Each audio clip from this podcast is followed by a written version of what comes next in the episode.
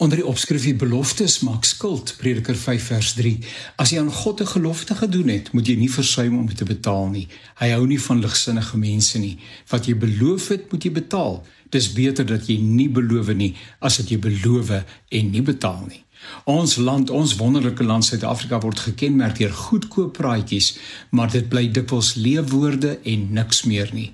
Soveel beloftes en al wat daarvan kom is dadels.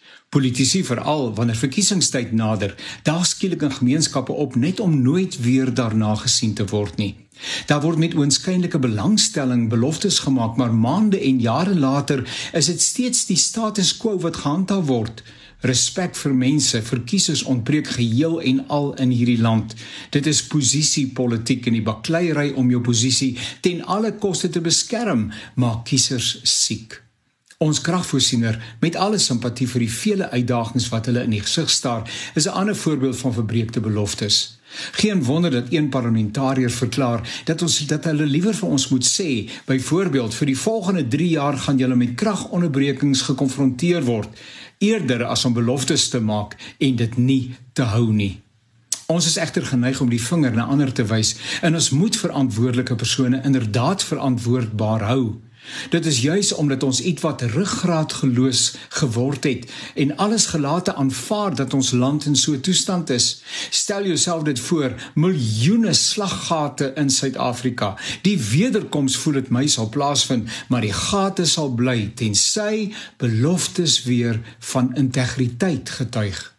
Die vraag is egter of ons eie lewens van integriteit getuig, veral wanneer dit by beloftes kom. Dis so hartseer wanneer beloftes aan kinders keer op keer gebreek word. Ouers beloof om wedstryde, konserte en prysuitdelings van hulle kinders by te woon, maar dan val altyd iets voor. Wat kan in hierdie lewe belangriker wees as dat ons ons beloftes teenoor ons kinders sal hou? Ons mag redeneer dat die teksvers op God betrekking het. Dit sê dat ons ons geloftes aan die Here moet betaal en dit gestand doen. Inderdaad, daar kan geen twyfel wees nie kan enige gronde egter aangehaal word of aangebied word? Waarom dit nie ewenigs op ons verhouding met ander met mekaar van toepassing sou wees nie? Die Bybel maan ons immers dat ons ja moet ja wees en ons nee nee.